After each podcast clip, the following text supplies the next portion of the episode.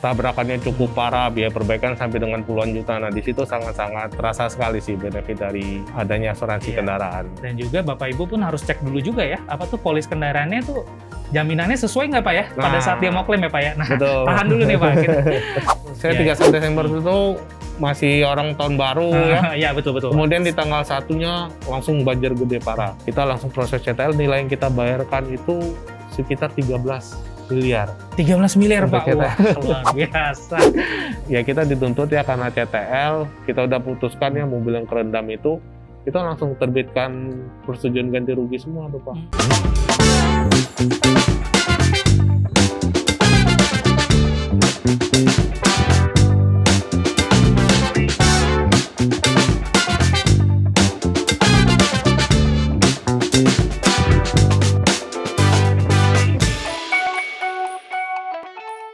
Oke, selamat datang di podcast Ngolam. Ngobrol lebih dalam bersama saya Mariko Syanipar. Bapak Ibu semuanya, kali ini kita akan berbicara tentang asuransi kendaraan. Topik yang paling erat adalah yang berkaitan tentang klaim. Dan bagaimana cara untuk melakukan klaim yang benar? Tentunya kita harus mengetahui dokumen klaim apa yang dibawa dan prosedur klaim yang tepat. Dan tentunya kita harus paham juga eh, prosedur-prosedur yang lainnya yang mungkin sebelumnya kita tidak tahu. Oleh karena itu saya tidak sendiri, saya bersama dengan koordinator wilayah PT Asuransi Namas, yaitu ada Pak Riko. Apa kabar Pak Riko? Puji Tuhan selalu baik. Baik, luar biasa. Gimana? Oh, Luar biasa. Eh, Pak Riko, mau tanya nih Pak. Tadi kan tadi saya sudah bicara soal tentang eh, klaim kendaraan nih Pak ya. Iya. Dan tentunya di di Indonesia sendiri, kendaraan di Indonesia kan sudah sangat banyak nih Pak ya. Heeh. Dan eh, banyak juga masyarakat yang sudah memiliki namanya polis kendaraan. Nah, Ya. sebenarnya kalau kita mau mau melakukan klaim nih Pak, sebelumnya nih Pak, klaim asuransi kendaraan itu apa sih Pak sebenarnya Pak? Oke ya, gini ya Pak Riko ya. Sebenarnya sih kalau berbicara klaim asuransi kendaraan itu, ya kalau istilah umumnya ya nih ya, eh, upaya ya, upaya yang dilakukan si pemilik Mm-mm. eh, pemilik polis asuransi, Iya. Ya mengajukan mengajukan tuntutan ganti rugi kepada perusahaan asuransi. Oke, Ya. penanggung ya Pak ya ya. penanggung biasanya disebut dengan penanggung terhadap kerugian ya kerugian atas kendaraan yang sudah diasuransikan. Nah itu Hmm. jadi pengertian dari klaim asuransi kendaraan sih. Jadi seseorang yang udah punya polis asuransi kendaraan kemudian pada saat di jalan terjadi accident kecelakaan, Iya. Nah dia mengajukan ya tuntutan ya Tuntutan eh, ya. kepada Hmm. perusahaan asuransi ya Nah. untuk untuk perbaikan kendaraan sih. Ya, Pak Riko. Sebenarnya nih Pak, kalau kita sudah punya polis asuransi kendaraan, Pak, Mm-mm. kira-kira manfaat yang bisa kita lakukan dari polis tersebut seperti apa sih Pak? Oke, jadi gini sih Pak Miko ya. Iya. Sekarang ini kan jumlah kendaraan yang ada di Indonesia ya, udah sangat banyak sekali tuh. Ya kalau kita lihat di jalan raya, kondisi Hmm. jalan kan udah banyak sekali terjadi kemacetan-kemacetan. Nah, sebenarnya sih terkadang eh, kecelakaan itu terjadi bukan dari kita sendiri. Ya Oh. namanya di jalan raya itu kan banyak faktor ya. Kita Ya. kadang sudah posisi di benar yang benar ya. Di jalan yang benar tiba-tiba nanti ada motor ada yang, yang nyerempet, ngasal ya. nyerempet, ada mobil yang buru-buru Iya. nyenggol. ya kemudian mereka kabur nih. Nggak bertanggung jawab. Nah, di situ kan si tertanggung kan mengalami kerugian ya terhadap kendaraan. Nah, di situlah salah satu fungsinya dari asuransi kendaraan sih. Oh, jadi Gitu. kalau misalkan memang kita udah punya polis kendaraan, Hmm. lalu mungkin pada saat di jalan tiba-tiba ada yang eh, motor nyerempet dan ternyata penyok, di situlah kita bisa melakukan manfaat dari polis tersebut ya Pak ya? Betul, ya betul Pak. Jadi Oh. eh, manfaatnya itu baru dirasakan ya Heeh. kalau memang terjadi kerugian kendaraan sudah mengalami kecelakaan. Nah itu si tertanggung baru merasakan tuh benefitnya tuh. Oke, Gitu. jadi sebenarnya pada saat berkendara pun si nasabah atau tertanggung itu merasa aman ya Pak ya? Betul betul Pak. Masyarakat-masyarakat juga jadi aman tuh kalau misalkan punya polis kendaraan ya Pak? Betul betul sekali Pak. Tabrakannya cukup Hmm. parah, biaya perbaikan sampai dengan puluhan juta. Nah di situ sangat-sangat eh, terasa sekali sih benefit dari adanya asuransi Iya. kendaraan. Dan juga Bapak Ibu pun harus cek dulu juga ya, apa tuh polis kendaraannya tuh jaminannya sesuai nggak Pak ya? Pada Nah. saat dia mau klaim ya Pak ya? Nah, Betul. tahan dulu nih Pak. Kita- Nah, sebelum berbicara ke soal dalam nih jaminannya benar atau enggak, sebenarnya pada saat dia oke lah Pak, gue mau klaim nih, Hmm. saya mau klaim. Nah, pada saat dia datang ke asuransi atau dia telepon ke asuransi, Pak, eh, dokumen-dokumen apa yang harus disiapkan, Pak, pada saat dia mau klaim, Pak? Oke. Ini kalau berbicara kelengkapan dokumen ya, Pak Miko ya. Sebenarnya sih dokumen itu dokumen yang umum sekali sih yang pasti dimilikin. Oke. Ya, pertama adalah STNK kendaraan. STNK itu pasti wajib Ya, ya, Pak ya. Setiap Tapi sebelum STNK ada. sih yang pasti kita cek dulu ya polis ya, ada polis asuransi. Kemudian STNK kendaraan. Nah, STNK kendaraan SIM pengemudi. Oke. Nah, ini yang sering dispute nih. Jadi yang diminta Dispute adalah kenapa tuh, Pak? SIM. dispute kenapa? Jadi sering kali itu pada saat orang mengajukan klaim itu sering kali yang dilampirkan adalah SIM tertanggung Oh. Atas nama di polis. Oke, oke, gitu. oke, nah, padahal saat pengemudikan misalnya saya yang punya kendaraan tapi dikemudikan sama Pak Riko nih. Iya. Ya.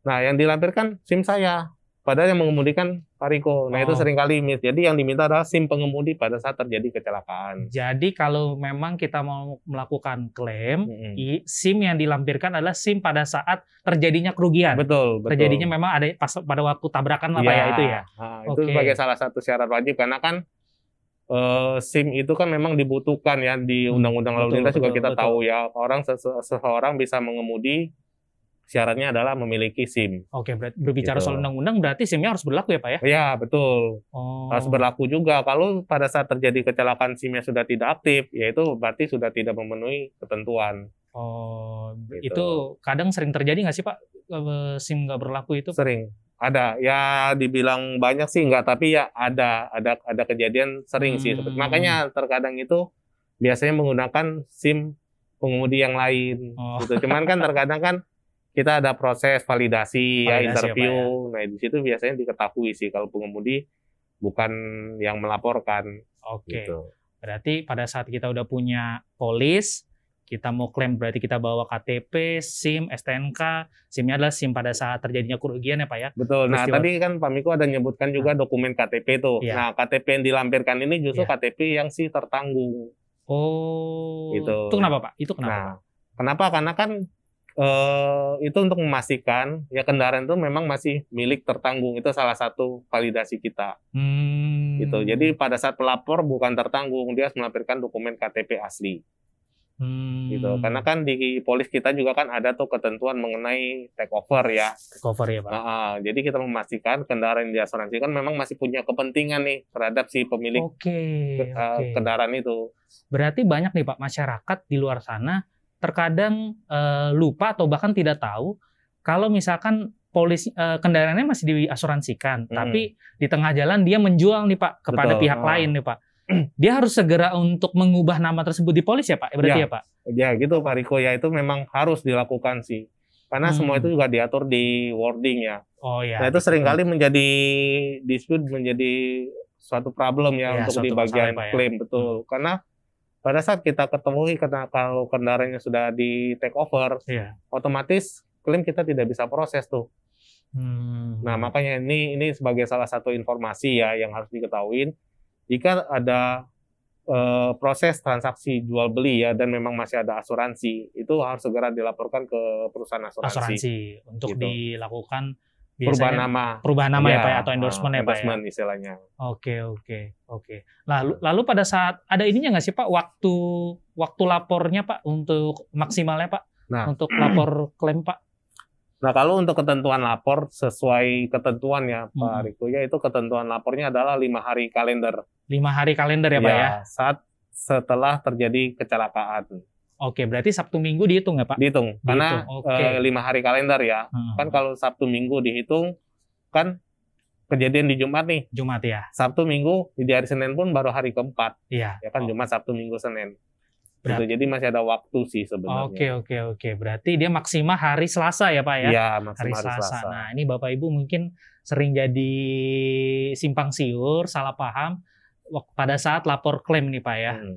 Dikira oh udahlah nanti aja lah. Ya. Biasanya kan gitu ya Pak ya nanti aja lah. Justru pada saat memang udah ada kejadian ya harus buru-buru ya Pak ya segera ya Betul. Pak ya lapor dulu ya Pak. Iya, Oke Pak. gitu. Dan pada kalau misalkan memang nantinya surveinya dia mau keluar kota itu masih bisa ya Pak? Kalau misalkan dia mau oke lah Pak dia lapor klaim dulu nih Pak. Mm-mm. Tapi karena Pak, tapi saya mau sur saya mau keluar kota nih Pak, jadi survei kendaraannya belum belum bisa hari ini misalkan. Itu Hmm. bisa Pak di, ditunda seperti itu. Bisa Pak. Jadi eh, itu tadi ketentuan yang ada itu ya. batas waktu pelaporan adalah lima hari kalender, Hmm. ya lima hari kalender. Nah, kalau setelah dia lapor kendaraan mau digunakan lagi, ya Hmm. dia nggak bisa masuk ke bengkel, Iya. itu tidak ada masalah sih. Nah, cuman memang ada satu ketentuan lagi, justru batas waktunya cukup panjang nih Pak, adalah 12 bulan. 12 bulan. Ya, itu sih maksimal ya. Jadi Oh, sebenarnya sih ada ada ada oke. ada batas waktu selama dia sudah melapor di awal. Oh. Gitu. Itu ada ada ada ketentuan yang di wording sih ya, di di di ketentuan batas apa? di eh, klaim kendaraannya di itu klaim sendiri. kendaraan ya? Ya, Oke oke. Prinsipnya adalah dia lapor klaim dulu ya Pak ya. betul. Prinsipnya adalah itu prinsipnya klaim. itu ya. Gitu. Nanti kalau misalkan ada kendala-kendala yang memang apa mobilnya belum bisa masuk, mobilnya belum bisa disurvei, itu bisa nanti bisa dikomunikasikan ya Pak ya. Betul. Yang penting Prinsipnya. sih, ya prinsipnya sih dia udah ada laporan awal. Kita kan melakukan registrasi klaim ya Hmm. sebagai pencatatan kita di sistem. Iya. Nah, nanti tim kita nih ya di baik di kantor pusat maupun di cabang ya akan melakukan menghubungi ke tertanggung Hmm. ya. Kapan Pak kendaraan bisa dibawa ke bengkel Oh, ya untuk dilakukan perbaikan ya. Kalau memang tertanggung masih tidak bisa masuk ke bengkel, biasanya sih kita akan kasih batas waktu juga nih Mbak Pak Riko ya Hmm. untuk pelaporan klaim di awal. Nah, kalau memang sampai dengan batas waktu yang ditentukan juga memang tidak bisa masuk, berarti kita menganggap nih si tertanggung membatalkan pengajuan. Oke oke oke. Ya, tapi bukan berarti dia tidak bisa klaim, Ya. gitu. Dia masih bisa klaim lagi dengan batas waktu yang Di itu yang sudah ditentukan itu ya ya. yang sudah ditentukan tadi.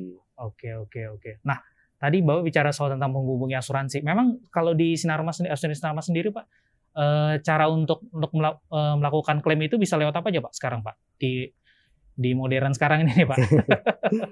Ya, jadi gini sih, eh, kalau berbicara pelaporan klaim ya, Hmm.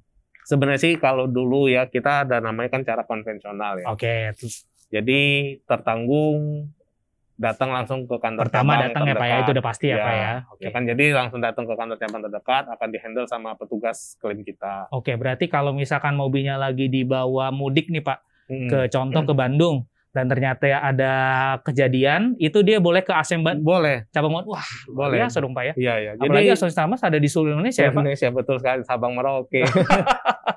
kayak lagu pak. Iya. oh gitu ya pak ya bisa bisa eh, lapor di mana aja pak ya? bisa bisa Pak. Jadi Oke. dia asuransi di Jakarta, Hmm, kejadian di Surabaya itu Hmm. nggak masalah karena kan kita kan Hmm. sistem kita kan sudah online Pak ya. sudah. Jadi di mana pun kita mengajukan klaim itu pasti akan dihandle sama petugas klaim kita di cabang tersebut. Oke datang langsung bisa. Ya. Terus apa lagi pak? Lewat telepon pasti bisa juga Telepon pak ya? pasti bisa Pak. Oke. Ya kan telepon ke petugas misalnya kenal Customer sama ya? marketing, Ya, ah, Oke. ya kan itu yang udah kenal. Kalaupun memang nggak kenal, bisa juga itu tadi yang disebutkan ke customer service. Oh customer service ya, Ya, pak ya? telepon ke hotline Ya. ya mengajukan klaim nanti diterima sama customer service akan diteruskan ke bagian klaim untuk melakukan tindak lanjut ya atas pelaporan klaim tersebut. Oke oke. Nah, kemudian gini Pak, eh, yang terakhir ya sebenarnya ya kan sejak zaman pandemi ini kan waktu di awal kita tahu ya eh, semua pergerakan dibatasin ya dengan Betul. Dulu ada namanya PPKM, PSBB. Ya, PSBB ya pak ya? Iya. Jadi orang-orang tuh nggak bisa bergerak kan, dibatasin mau ke sana ditutup, Iya, betul, sini Pak. ditutup. Nah, di Sinarmas itu kita ada buat aplikasi Pak. oh ada aplikasi apa tuh pak? Nah, nama aplikasinya itu Asuransi Sinarmas Online. Asuransi Sinarmas online. Iya. Oke. Gitu. Jadi dari aplikasi itu ya tertanggung bisa mengajukan klaim, Pak. Oh. Jadi mau di mana pun, mau kapan pun pun ya Iya. setiap ada kejadian kecelakaan dia bisa langsung registrasi itu Oh. di aplikasi tersebut. Jadi nggak perlu repot-repot datang ke kantor atau misalnya kita melakukan survei ke tempat tertanggung, tapi kan dia harus mencocokkan waktu nih. Iya harus Dia janjian nunggu, dulu, harus janjian, dulu. ya kan Oke ya. oke. Jadi dia harus meluangkan waktu nih menunggu petugas kita Iya, datang iya, kan iya. ya. Nah, dengan aplikasi ini ya, itu sangat membantu sekali sih sebenarnya. Jadi, wah tertanggung ada kejadian kecelakaan, mau lapor, jadi tinggal foto Ya. Oh, foto Kendaraan. foto kerusakannya Iya, itu ya, Pak ya? Betul. Oke, oke, gitu. oke. Jadi dia tinggal foto kerusakan, dia registrasi, Hmm. login ya di Hmm. aplikasi tersebut. Dia foto kerusakan, foto dokumen pendukung Iya. tadi ya, SIM, KTP Hmm. ya, sama STNK, Mhm. dia foto, upload, submit. Gitu. Oh, Klaim jadi sudah kita terima. Udah lebih praktis ya, Pak ya? Praktis, praktis Lebih, sekali. lebih praktis ya. Ya, Cukup dengan genggaman di tangan, kita udah bisa melakukan klaim di mana aja, Pak ya? betul. Oh. Kapan pun Pak, 24 jam. oh iya, oh iya, iya luar biasa luar ya kan biasa. kalau kita di kantor cabang kan eh, jam kerja ya jam Hmm. 8 sampai jam 5 sore ya. Hmm, Terus dari hari Senin sampai hari Hmm. Jumat hmm, ya kalau di kantor cabang ya. Jadi terbatas hmm. gitu. Tapi kalau dengan aplikasi itu ya satu kali 24 jam ya itu mau kapan pun bisa. Iya. Menarik Gitu. itu Pak. Jadi lewat handphone kita udah bisa langsung foto. Berarti data-data yang tadi Bapak bilang itu ya Pak ya, Hmm. kayak KTP, SIM, dan foto kerusakannya, dan itu langsung masuk ke sistem klaim kita ya Pak ya. betul, betul. Oh, Jadi eh, waktu dia melakukan registrasi klaim itu ya akan ada pilihan hmm. eh, cabang apa kota ya kota bengkel pak. Hmm, hmm. Jadi dia mau pilih kotanya di mana nih bengkelnya mau yang di Bandung misalnya Iya. akan muncul di situ list nama bengkelnya. Iya. Gitu begitu dia submit itu akan masuk ke cabang Bandung. Hmm. Gitu. Jadi di sistem cabang Bandung akan muncul nih ini ada pelaporan klaim SIMAS online ya dengan data sekian ada nomor Iya. HP ya nomor polis semua. Nah kemudian cabang Bandung akan melakukan validasi ya Oh, oke. pengecekan dari foto kerusakan yang sudah diupload, dokumen, begitu semua sudah lengkap, si cabang Bandung langsung menerbitkan SPK pak. Oke, berarti ini yang jadi pengetahuan juga nih Pak. Jadi pada Hmm. saat sudah selesai semua dari tertanggung atau nasabah, nanti dari kita langsung mengeluarkan surat SPK ya Pak ya. SPK Betul. itu apa Pak? Surat apa Pak? Eh, surat perintah kerja Surat atau perintah kerja. WO ya work WO order ya. Jadi eh, bengkel nih ya kan bengkel bisa mengerjakan perbaikan per- perbaikan kendaraan itu Hmm. ya berdasarkan SPK yang sudah diterbitkan. Dan dan apa? eh, nasabah pun juga ada bisa le- cek lewat handphone ya Pak ya. Lewat handphone aja Pak ya. Betul, di situ Apakah akan kelihatan Eh, SPK-nya sudah terbit. Ya. Kalau SPK sudah terbit berarti mobil sudah bisa masuk ke bengkel. bengkel. Betul. Oh. Gitu. Oke, oke, Kemudian oke, dari oke. aplikasi itu juga nanti begitu mobil itu masuk ke bengkel, kan kita udah ada aplikasi itu kan sudah ngelink juga ya dengan Hmm. sistem yang ada di bengkel. Itu akan up to date, Pak. Up to date ya Pak. Ya, up to date itu artinya si tertanggung nih ya secara berkala dia bisa ngecek di aplikasi tersebut mobilnya Hmm. sudah pengerjaan sampai proses Iya, tahap iya. apa. Jadi itu tadi itu salah satu manfaat ya kalau si tertanggung melakukan pelaporan klaim melalui asuransi Sinamas online. Oke, tapi sebaliknya juga seperti itu ya Pak ya prosedurnya. Kalau dia pun secara manual atau konvensional datang ke ke cabang, Hmm. itu pun ataupun disurvei oleh disurvei oleh surveyor Hmm. itu Pak, itu juga sama ya Pak ya modelnya juga seperti itu ya Pak ya. Di foto juga ya Pak kendaraannya dan eh, dokumen-dokumennya Pak ya. Betul, tapi kan artinya kita yang melakukan foto dokumentasi Iya. gitu karena kan tertanggung sudah datang sih. Cuman Oke. itu tadi kalau model seperti itu kan jadinya konvensional, Pak. Konvensional, ya itu tadi ya. tertanggung harus dari rumah datang ke kantor. Iya. Ya, kemudian kita melakukan foto-foto, isi formulir klaim, Iya. ya kan ya. Ataupun itu tadi kalaupun memang kita mendatangin ke tempat tertanggung, ya paling tidak tertanggung harus meluangkan waktu. Waktu ya. Dan memang Ya. kalau memang banyak kan ya Pak ya nasabah yang atau tertanggung memang dia eh, paling waktunya sibuk banget. Ya mau nggak mau kita pun juga bisa ya Pak ya melakukan apa eh, surveyor klaimnya itu melalui itu Pak ya langsung datang ke tempat tempatnya nasabah ya oh Pak ya, ya. ya itu sangat bisa Pak. Itu salah satu servis kita juga sih ya kepada Hmm. nasabah-nasabah kita ya. Jadi si tertanggung tidak harus datang ke kantor sih. Ya, Hmm. jadi tertanggung minta survei ke rumahnya, Hmm. ya, minta survei ke kantor, itu sih kita bisa lakukan juga sih. Oke oke. Gitu. Dan juga nasabah tinggal sebenarnya paling gampangnya tinggal hubungi marketing yang memang dulu pada saat penutupan asuransi ya Pak ya. Bisa Ya, juga betul, ya Pak ya. Betul Pak. Cuman kan kita sih eh, terbanyaknya juga kan bisnis kita kan leasing ya, Oh, salah leasing. satu bisnis terbesar kita ya untuk untuk kendaraan. Jadi kalau berbicara berhubungan dengan marketing biasanya sih kan di awal kan tidak ada komunikasi itu Hmm. dengan asuransi biasa kan dari tertanggung taunya dengan leasing sih. Iya, iya. Gitu. Jadi Oh iya, Biasa. kalau itu gimana Pak? Kalau misalkan dia melalui leasing, itu kalau pelaporan klaimnya enaknya gimana Pak? Baiknya Pak. pelaporan klaimnya tetap sama sih Pak, nggak ada Hmm. bedanya sih. Hmm. Yaitu tadi dengan cara-cara yang sudah disebutkan tadi bisa datang ke kantor langsung kan biasanya sih pada saat dia melakukan kredit ya, si pihak leasing pasti sudah menginfokan asuransinya asuransi apa.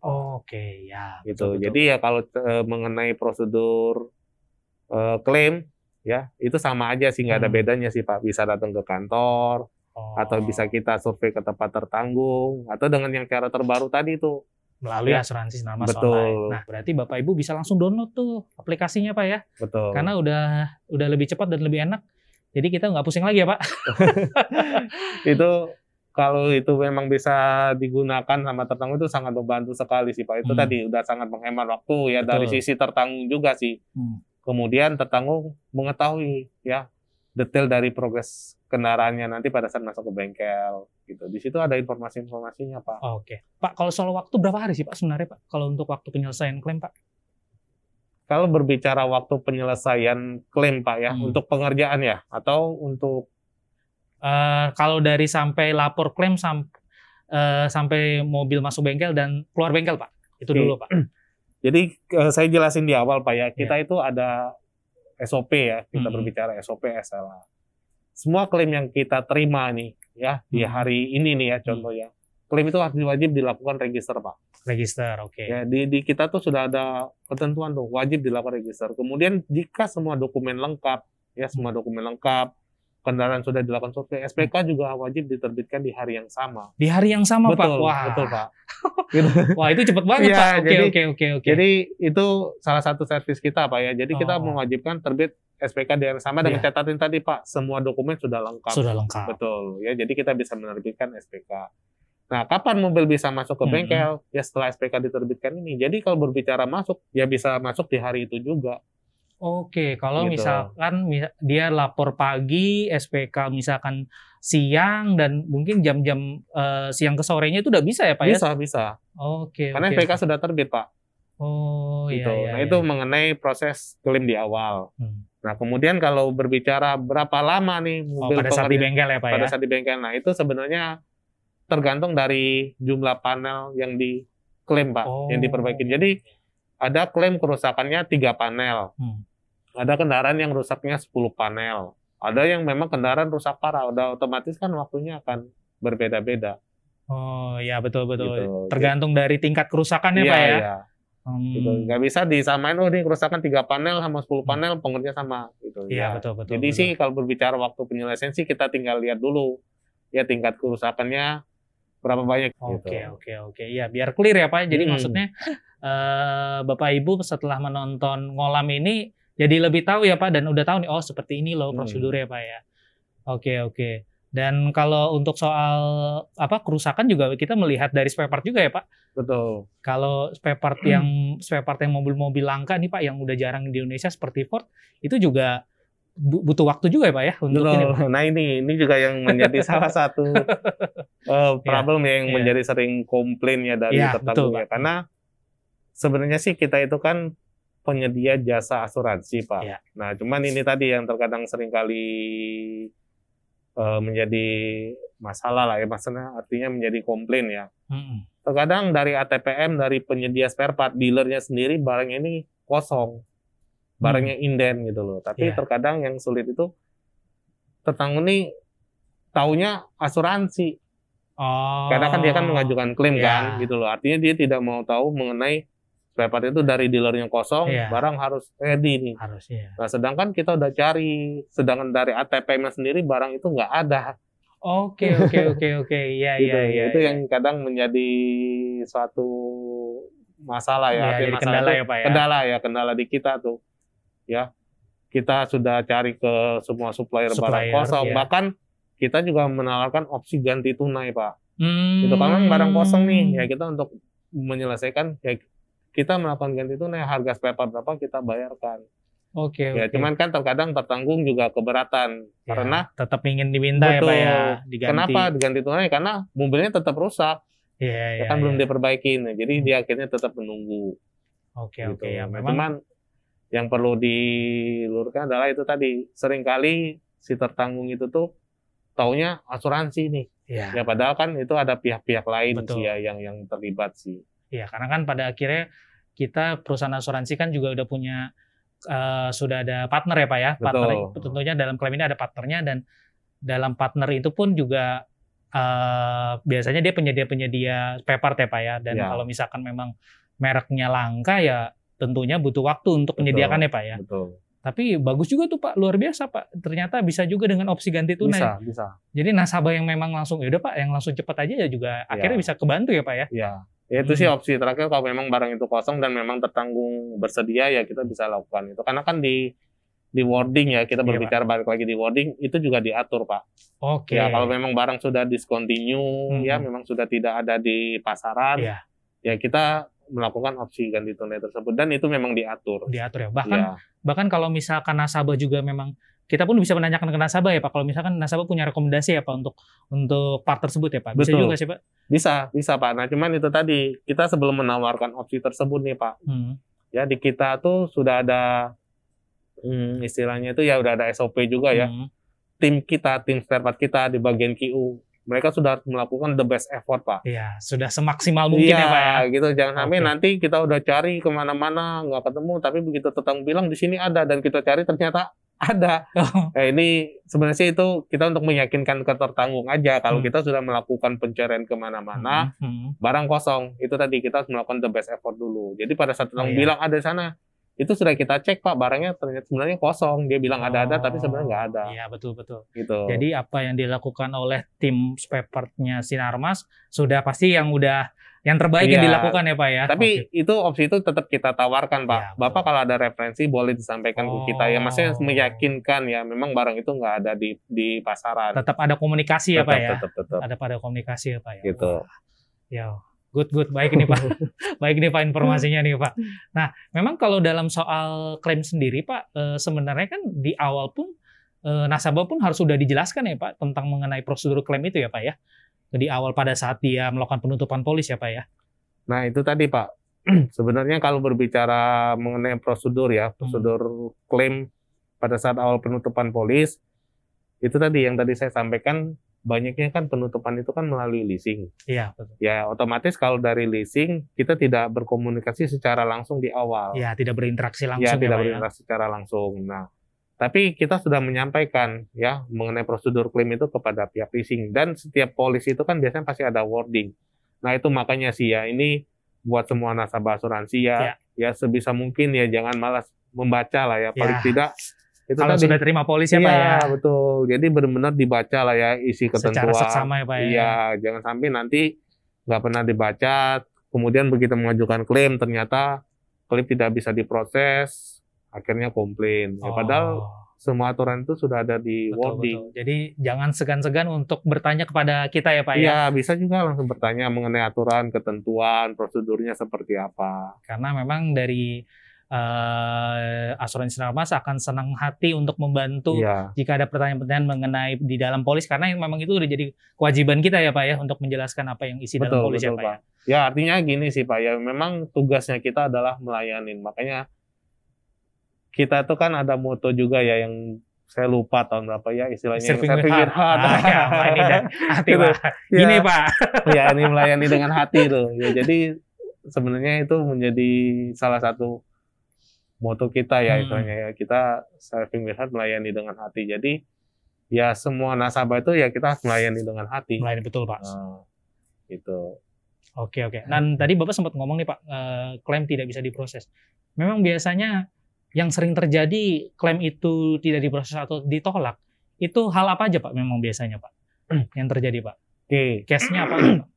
ya kalau berbicara klaim yang ditolak nih eh, sebenarnya sih itu tadi sih ya yang pertama adalah kita berbicara mengenai dokumen dulu Dokumen. ya ya tadi seperti disampaikan ya dokumen wajib adalah SNK kendaraan Ya, dari data dulu ya Pak Dari ya. data. Dari data dulu harus Ya, clear ya Pak. harus clear. Iya. ya kemudian SIM pengemudi ya Hmm. kemudian yang KTP tadi ya KTP Ya. atas nama tertanggung pada saat kejadian kecelakaan ternyata SIM-nya mati Ah, oh, itu yang sering Ya. jadi itu Pak ya akhirnya kendala ya Pak. betul karena itu tadi kalau SIM mati kan artinya kan si pengemudi ini tidak boleh mengemudi kendaraan Betul, betul, betul. ya masa berlakunya sudah habis Karena aturan dari aturan yang berlaku di publik ini Pak ya, iya betul jelas ya Pak ya kalau memang yang berkendara itu harus punya eh apa dokumen SIM. administrasi dan atau SIM Ya, yang memang yang berlaku. legal ya Pak ya.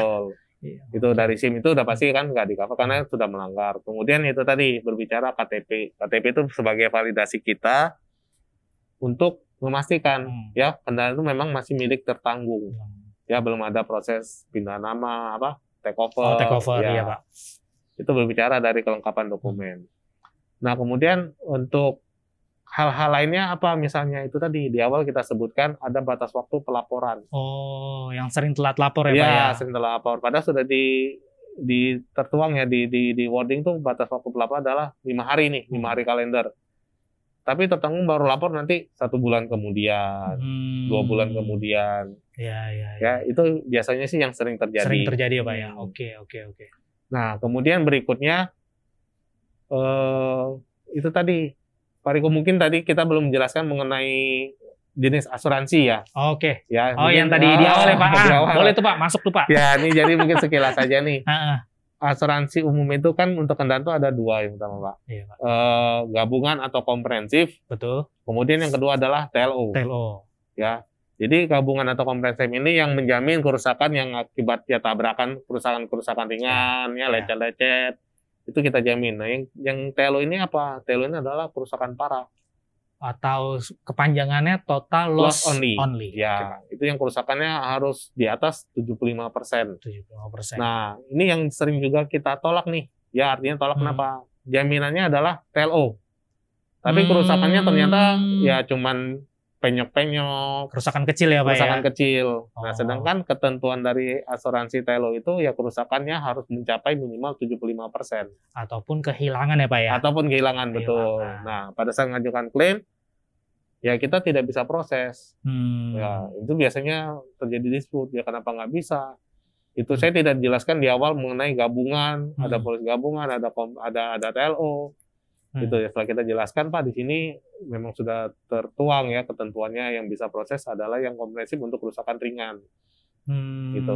Nah, itu biasanya yang sering ditolak juga. Jadi manfaat manfaat dalam polis ya, Pak ya? Hmm. Sering apa ternyata beda ya, Pak ya? Betul. Nah, kemudian berikutnya itu apa? Ya dari peril-peril yang tidak di yang dikecualikan dari polis, Pak. Peril-peril Nah, jadi itu ya, ya? contohnya apa nih? Mobil yang yang kejadian yang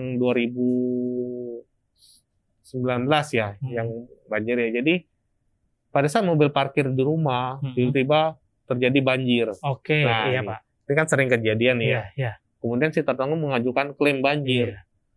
Nah, itu kita juga tidak bisa proses tuh, Pak. Kenapa tuh, Pak? Nah, karena itu memang tidak masuk dalam dalam jaminan gabungan apa polis gabungan itu. Oh. gitu. Jadi untuk eh, kerusakan akibat banjir itu masuk dalam perluasan. Oke, berarti si nasabah atau tertanggung harus memastikan bahwa polisnya itu ada jaminan perluasan banjir, Pak. Betul, gitu. Nah, jadi kalau selama tidak ada perluasan banjir, ya itu Hmm. tidak bisa kita proses. Nah, ini juga sering terjadi dispute ya. Dia dispute ya, taunya orang oh polisinya udah gabungan Hmm. atau yang sering di istilah umum tuh Oris. Oris ya. Ah, jadi semua apa pun itu semua apa pun itu di- Ya, dijamin. betul, betul. Padahal sih ya tetap ada ada ketentuannya ya. Iya, iya, gitu. iya. Nah, akibat banjir atau misalnya eh, badai, Badai, huru hara, ya, huru hara itu semua tidak dijamin tidak dijamin. dalam eh, cakupan Komprehensif. eh, ya. jaminan standar ya Standar, komprehensif. Nah, kecuali di polisi itu ya ada perluasan tambahan. tambahan. Nah, ini yang berarti yang harus jadi poin bahwa pada saat memang ada eh, nasabah mendengarkan, oh ini jaminan oris, orisnya Hmm. itu dalam artian bukan termasuk perluasan banjir, Bukan. huru hara, gempa bumi dan lain-lain ya Pak ya. Ya. Tapi oris itu bisa dibilang adalah eh, jaminan yang standar, yang yang kerusakan kecil, kerusakan besar dan kehilangan ya Pak ya. Hmm. Jadi ya kalau bisa memang kita pada saat menjelaskan bahwa eh, jaminan standar itu adalah gabungan atau komprehensif ya Pak ya. Ya, Biar nggak salah tafsir nih, Pak. Ya, kalau tapi yang, Ya, yang mungkin orisnya dicoret kali Pak ya. Betul, ya karena itu di oris itu udah umum sekali ya Hmm. yang masyarakat umum ketahui itu istilahnya oris. Oris. Kalau bicara komprehensif apa sih gabungan Iya. apa sih? Tapi kalau oris orang langsung lebih tahu ya, lebih paham ya Pak ya. Tapi paham. yang jadi ya mungkin yang harus jadi pemahaman ya Pak ya buat Hmm. kita semua ya Pak. Oke Gitu. oke oke oke. Ya kemudian kalau yang alasan-alasan lainnya itu ya contohnya seperti eh, melanggar rambu-rambu Oh, Ya. lalu lintas ya Pak ya. lalu lintas. Jadi kan Aturan orang sering kali udah kuning nih, Hmm. nanggung udah jauh, Hmm. bukan kan ini jadi salah Tetap diterobos tuh Pak ya. Iya, padahal Wah. sebenarnya kuning tuh udah instruksi untuk Iya, berhenti Untuk ya. berhenti ya. Tapi kalau di kita tuh kuning tuh malah Iya, jegas. kalau Indonesia langsung gas Iya, sudah. Jegas, sudah merah nanggung pada sejalan ternyata kendaraan dari arah lain udah jalan Iya. tabrakan gitu loh. Nah, setelah kita investigasi ternyata Hmm. ya si pengemudi ini menerobos. Iya. Nah itu juga kan artinya kan melanggar rambu-rambu Betul. atau mengemudi dalam pengaruh alkohol Oh, misalnya. Itu iya. juga kan sering tuh kejadian Oh, iya, misalnya sering. subuh atau Kecebur di ini Pak HI Pak sering banget Pak. apa. itu. Iya, itu biasa dari daerah-daerah itu Pak. Ya, nah itu kan biasa apalagi kalau sudah viral ya, Iya, masuk betul, ke viral, media betul, ya, iya. kan ketahuan Hmm, tuh ini hmm. pengemudi Di habis pengaruh, pengaruh itu, Pak, ya. alkohol. Kita udah ada data ya, Hmm. bukti, ya itu klaim nggak bisa kita proses. Hmm. Karena kan memang melanggar ya, melanggar ketentuan Hmm. umum ya, ketentuan perundang-undangan ya, gitu. Oke oke oke oke Pak. Eh, berarti banyak ya Pak ya hal-hal yang memang yang sering terjadi eh, pada saat eh, terjadi ke- eh, penolakan klaim ya Pak ya. Ya. Pak juga eh, saya dapat cerita juga Pak. Kalau Hmm. misalkan eh, si tertanggung ini kan punya namanya polis jaminannya itu adalah tanggung jawab pihak ketiga Pak. Hmm. Lalu dia menabrak pohon nih Pak. Dan pohon ini di bawah pengawasan atau eh, perlindungannya dinas kehutanan lah Pak Iya. suatu daerah. Itu itu bisa diganti nggak sih Pak pohon tersebut Pak jika misalkan memang dinas kehutanan itu meminta eh, menuntut kerugian Pak kepada kita Pak. Oke ya. Kalau berbicara pihak ketiga itu Hmm. kan tidak terbatas sama objek misalnya kendaraan Hmm. atau orang sih. Nah kalau berbicara pohon, nah itu tadi Pak sebenarnya pohon itu kan sebenarnya keras ya. Iya. Ya itu tadi pohon yang ditabrak itu apakah pohon yang kecil atau yang pohon Hmm. gede. Tapi kalau berbicara mengenai ganti rugi ya terhadap kerusakan pohon, pada prinsipnya sih bisa Pak. Bisa ya. Ya artinya kalau memang pohon itu memang patah ya, Ya. ditabrak, ya berapa sih harga pohon itu untuk ditanam kembali? Ya itu bisa saja diajukan. Karena kan memang si OD melakukan apa ya? Eh, menabrak ya. Menabrak ya. Menabrak pihak ketiga Iya, yaitu benar. pohon. Iya. Ya, itu sih bisa sih pada Bisa prinsipnya. ya berarti ya Pak ya. Bisa, Ya, bisa. Tentunya pasti sebelum itu kita melakukan investigasi yang benar Ya. benar-benar mendalam ya Pak ya. Cuman dilihat lagi kerusakan. Tapi kalau misalnya pohonnya gede, ya yang kena cuman kulit, ya enggak. kan artinya kan tidak ada kerugian ya sebenarnya. betul. kalau kecuali kalau memang ditabrak, Signifikan ya Pak ya hmm, kerusakan pohon sampai tersebut ya Pak patah ya, Iya, memang iya. harus ditanam Iya. kembali. Ya kita tinggal cari aja pohonnya pohon apa yang ditabrak patah, Mhm. ya untuk biaya penanamannya kembali berapa, ya itu sih bisa kita proses sih. Oke oke. Lalu kalau misalkan Pak eh, sebenarnya kalau polis kendaraan itu atas nama tertanggung ternyata pada saat kerugian itu yang bawa adalah supir lalu mungkin temannya dipinjam Hmm. mobilnya Pak dan terjadi kerugian Hmm. itu bisa Pak diklaim Pak. Bisa bisa Pak. Makanya yang tadi yang saya sampaikan fungsinya adalah itu tadi yang mau melampirkan dokumen KTP. KTP-nya dan Ya. ya, KTP Selama tertanggung ya, memang ya. kendaraan itu memang masih miliknya si tertanggung, Hmm. ya itu bisa. Kan di kita juga kan Pak banyak sekali ya yang mengemudi apa yang punya kendaraan tapi nggak dikemudikan sendiri, Iya. yang menggunakan sopir ya Iya. terutama. Ya itu sih bisa Pak. Masa udah asuransi memang jelas punya dia yang bawa sopir terus Nah. nggak bisa diproses. Oke oke Gitu. benar benar benar. ya, itu ya. tetap bisa. Kemudian Tetap ya. Temannya yang membawa, ya itu sih masih bisa sih selama memang hubungannya jelas. masih ada di pengawasan tertanggungnya Pak ya. gitu. Dan memang bukan karena itu bukan berpindah tangan tapinya ya, itu Ya, bisa. Tapi memang karena dipinjam ya, misalkan Ya. dipinjam ya Pak. bisa. Berbicara soal klaim Pak, ada pengalaman pengalaman seru nggak nih Pak yang menarik Pak? Nanganin klaim kendaraan Pak. Sebenarnya sih ya kalau saya itu eh, Pak Riko ya kalau mengenai masa kerja ya saya itu sebenarnya banyak di cabang sih ya. Jadi Oh, iya. yang klaim gede sekali itu saya memang di cabang kan namanya cabang klaimnya kan nggak banyak ya. Udah berapa tahun Pak memang Pak di ASM? Oh, Pertanyaan ini nih Pak liar. saya sih sekitar 14 sih Pak. Wah, udah luar biasa berarti ya. Gitu. Oke Nah, Pak lanjut Pak. Cuman balik lagi kalau pengalaman nih, sebenarnya sih waktu saya pertama kali ke Jakarta di kantor pusat kan 2018 tuh. Kalau nggak salah sih 2019 ya Hmm, itu yang hmm. ada klaim banjir gede. Oh. Saya ingat banget tuh pas awal tahun baru Oh, 2020 sepertinya Pak. 2020 20 ya. Iya kan ya? 2020 Yang awal tahun itu ya Pak ya, Betul. Jakarta banjir itu ya Pak ya.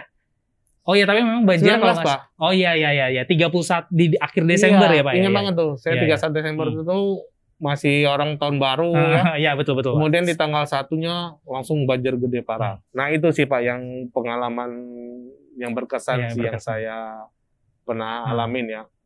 Itu kondisi klaim banjir itu kan terjadi kan satu kota ya istilahnya Iya, ya betul, di Pak. beberapa titik. Iya. Otomatis itu eh, Laporan klaim. ya laporan klaim begitu Banyak banyak, banget ya masuk Pak yang masuk ya Pak. ya. Kemudian kan permintaan derek Hmm. ya. Nah, permintaan derek ini menjadi problem juga karena yang meminta derek bukan dari Sinarmas saja. Hmm. Ya, dari asuransi lain juga pasti akan minta. Hmm. Terus kemudian yang pribadi-pribadi, ya kita waktu itu laporan masuk sampai puluhan. Bahkan kita total itu ya klaim yang masuk itu 155. 155 Iya, Pak. itu kita Luar narik-narik. biasa.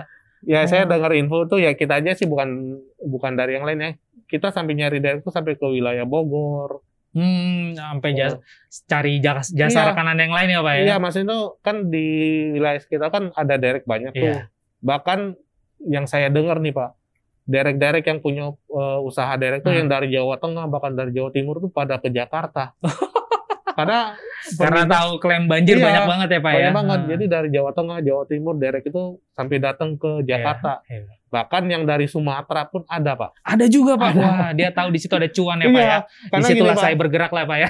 karena gini waktu permintaan itu kan permintaan tinggi ya. Hmm. Itu harga biaya dereknya pun akhirnya melonjak Oh. di atas dari harga yang standar karena kan demand ya ber- berbicara Hmm. permintaan ya permintaan tinggi sedangkan supply dereknya Iya. sedikit dia matoknya harga Iya. tinggi tuh itu jadi wah itu sampai subuh kita tuh bikin laporan Oh, buat laporan ya luar data klaim masuk berapa banyak ya itu luar biasa tuh waktu pengalaman klaim der apa klaim banjir itu Hmm. itu kita total ya klaim yang kita proses itu 155 klaim 155 klaim. sebanyak 57 klaim ya itu Hmm. kita proses CTL CTL Pak. Iya, CTL. Wah, luar biasa. karena itu tadi kan banjirnya kan tinggi ya udah sampai terendam di atas Iya. dashboard ya dashboard ke roof apalagi mobil-mobil zaman sekarang itu kan udah bisa dibilang full sensor pak Iya. ya sensor elektrik ya Hmm, mobil-mobil zaman sekarang jadi kalau sudah terendam sampai ke sana itu eh, penyakitnya akan banyak pak Oh, dan itu bisa dibilang akhirnya disebut sebagai CTL ya Pak Iya, ya? Gitu. Boleh Jadi- sedikit jelasin Pak biar pada tahu Pak teman-teman dari Bapak Ibu Ngolam Hmm. CTL itu Pak. ya CTL itu kan konstruktif total loss Oh ya iya. Jadi memang kendaraan yang kita tidak perbaikin, tapi ya kita proses CTL itu eh, klaim kita bayarkan dengan seharga kendaraan. Oh. Gitu CTL. Jadi kendaraan itu sudah kita tidak perbaiki karena tidak memungkinkan untuk diperbaiki. Diperbaiki, ya, ya. dengan mempertimbangkan waktu terutama Iya. juga ya waktu pengerjaan. Terus apalagi kalau akibat banjir itu yang saya bilang tadi, Rata-rata udah pada ini ya Pak ya? Ya, Kerusakan jadi- ya Pak ya? mobil sudah benar nih Pak, Ah. udah keluar bengkel nih. Hmm. Satu minggu kemudian tiba-tiba nanti muncul lagi. Hmm. ya muncul lagi errornya apa nanti sudah dibenerin sebulan kemudian muncul lagi Ya. apa karena kan udah berbicara kena banjir itu kan air ya elektrikal kadang HP aja nih HP misal kena air nih Hmm. mungkin kita pakai seminggu masih nyala nih nanti Ya. setelah sebulan tiba-tiba nanti Iya. ada yang layarnya hilang lah ya kan itu Nggak bisa jadi diketik lah. betul Pak, ya. dampaknya itu tidak langsung nah itu Hmm. jadi salah satu pertimbangan kita kita langsung proses CTL nilai yang kita bayarkan itu sekitar 13 miliar 13 miliar Untuk Pak. CTL. Wah, luar biasa.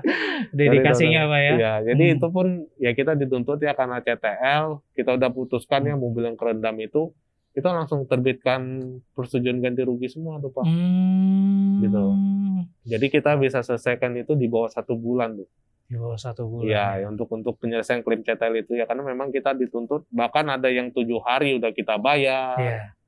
gitu. Selama ya Hmm. tadi eh, dokumen yang diberikan itu lengkap. Wah, luar biasa. Dan oleh karena itu, Bapak Ibu yang memang belum punya perluasan banjir, boleh langsung beli ya, Pak ya. Ya itu Ya segera untuk bisa kalau memang terjadi resiko banjir, aman ya Pak ya aman, mobilnya aman, Pak ya. ya. Jadi artinya ini pengetahuan ya, jangan sampai nanti terjadi klaim banjir, polisnya tidak ada perluasan, kemudian itu tadi ya keberatan klaim ditolak. Nah, ini yang belum ada perluasan banjir boleh nih diajukan ya untuk Oke, untuk ditambah perluasannya. Oke Pak. Ya. Lalu pada saat nasabah sudah mendapatkan SPK, surat perintah kerja dan WO tuh Pak work order, lalu untuk bengkelnya itu gimana tuh Pak? Nah kalau berbicara bengkel Hmm. ya Pak ya, kita tuh ada kerjasama hampir di seluruh cabang, Wah, di seluruh kota. cabang di Indonesia ya, Pak, Dari ya? Sabang Wah. sampai Merauke tadi yang Oke, kita oke. bilang tadi itu. Iya, iya. kita ada bengkel yang kerjasama eh, dengan Sinarmas. Jadi begitu SPK itu diterbitkan, terbitkan. ya mobil sudah bisa langsung masuk ke bengkel yang kita tunjuk, Oke. gitu, yang sudah kerjasama dengan Hmm. kita. Nah, di kita itu juga Pak ada bengkel ya, terutama di Jakarta tuh Hmm. ada bengkel namanya bengkel Jakarta Techno Body Repair. Oh, yang apa tuh Pak? Iya. Nah, bengkel ini eh, termasuk salah satu bengkel yang paling besar yang ada di Indonesia, Pak. Bengkel Kapasitas. paling besar Iya, ada di Indonesia loh. gitu. Dan di Tekno ini pun sekarang sudah ada lima cabang. Lima cabang. Di mana Iya. aja tuh Pak? Satu Surabaya, Surabaya, eh, Pekanbaru, Pekanbaru, Medan, sama Palembang ya total dengan Jakarta jadi lima. lima. Oh. Gitu. Dan berarti ada media sosialnya Pak ya? Instagramnya ada, Pak ya? ada, ada, ya? ada. Oke, berarti kita bisa langsung nih Bapak Ibu bisa langsung eh, cek di Instagram eh, Jakarta Auto Techno ya Pak ya? Ya. Ya di mungkin nanti juga tim ngolam boleh tuh. Wis, boleh tuh tim ngolam. Kalau Ya. mau bikin ini Pak ya? Heeh, di situ boleh tuh buat eh, ngelihat langsung kondisi Ngelihat langsung bagaimana ya, Pak, ya? Iya, Wah, gitu. wah, itunya operasional dan bagaimana dia bisa mengerjakan banyak mobil ya Pak Iya, yang betul. untuk menangani klaim yang ada di Iya. Asuransi Narmas ya Pak ya. Closing statement Pak, kira-kira saran terbaik ketika ingin melakukan klaim apa Pak? Klaim kendaraan. Iya, eh, sebenarnya sih ikuti ketentuan yang sudah dibuat ya yang sudah ada Hmm, ya di hmm. di di wording ya. Hmm. Satu, ya pada saat terjadi kecelakaan segera lapor Segera lapor. ya, segera lapor ke asuransi, Asuransi ya. ya maksimal lima hari kalender. Lima hari, hari kalender ya. Itu Oke, pertama tuh. Iya. Ya. Kemudian kedua pelengkapan dokumen. Kelengkapan ya, dokumen pastikan harus dokumen ya, itu lengkap. lengkap. Ya, dokumennya SNK, SIM, KTP. Ya, itu pastikan semua dokumen lengkap. Hmm. Terus ketiga ya patuhilah ya, patuhi peraturan Atur lintas ya Pak. Iya. Patuhi peraturan rambu-rambu lalu lintas ya, jangan menerobos lampu merah Iya. ya. Ikutin jangan melawan arah. Betul, betul Pak. Ya terus sekarang juga kan di tol terutama ya di tol itu juga kan sudah sangat ketat ya di Iya. mana-mana ada CCTV. Betul. Batas Kecepatan juga, Pak, ya, ah, kecepatannya, Pak, ya. Batas kecepatannya adalah 80 sampai 100 km tuh. Eh 60 ya batas Hmm. bawahnya 60 sampai 100. Ya patuhilah batas kecepatan itu. Ya itu kan batas aman ya. Terkadang wah di tol sepi jalan lurus bawa sampai 140, 160 mobil kan kalau dengan kecepatan segitu kan limbung ya sebenarnya ya. Eh, salah sedikit masuk lubang sedikit kalau nggak siap mobil akan terbalik. Hmm. Nah, begitu diketahui kecepatannya melebihi batas, ya klaim nggak bisa kita proses. Ya. Nah, itu jadi sih balik lagi, ya patuhilah rambu-rambu lalu lintas yang ada. Karena itu kan memang tujuannya untuk keselamatan kita kan ya. Oke, Gitu. dan pastikan juga polis memang sudah kita baca Oh, ya. betul. Betul. Oke, thank you Pak Riko Ya. untuk sharing-sharing dan Sama-sama. ceritanya. Mari, Ko. Kita ketemu di lain waktu ya Pak. Siap. Oke, Bapak Ibu semuanya, kita sudah selesai di ngolam di klaim kendaraan. Kita akan bertemu lagi di ngolam-ngolam di materi yang menarik berikutnya. Saya Riko Senipar, bye-bye. Bye-bye.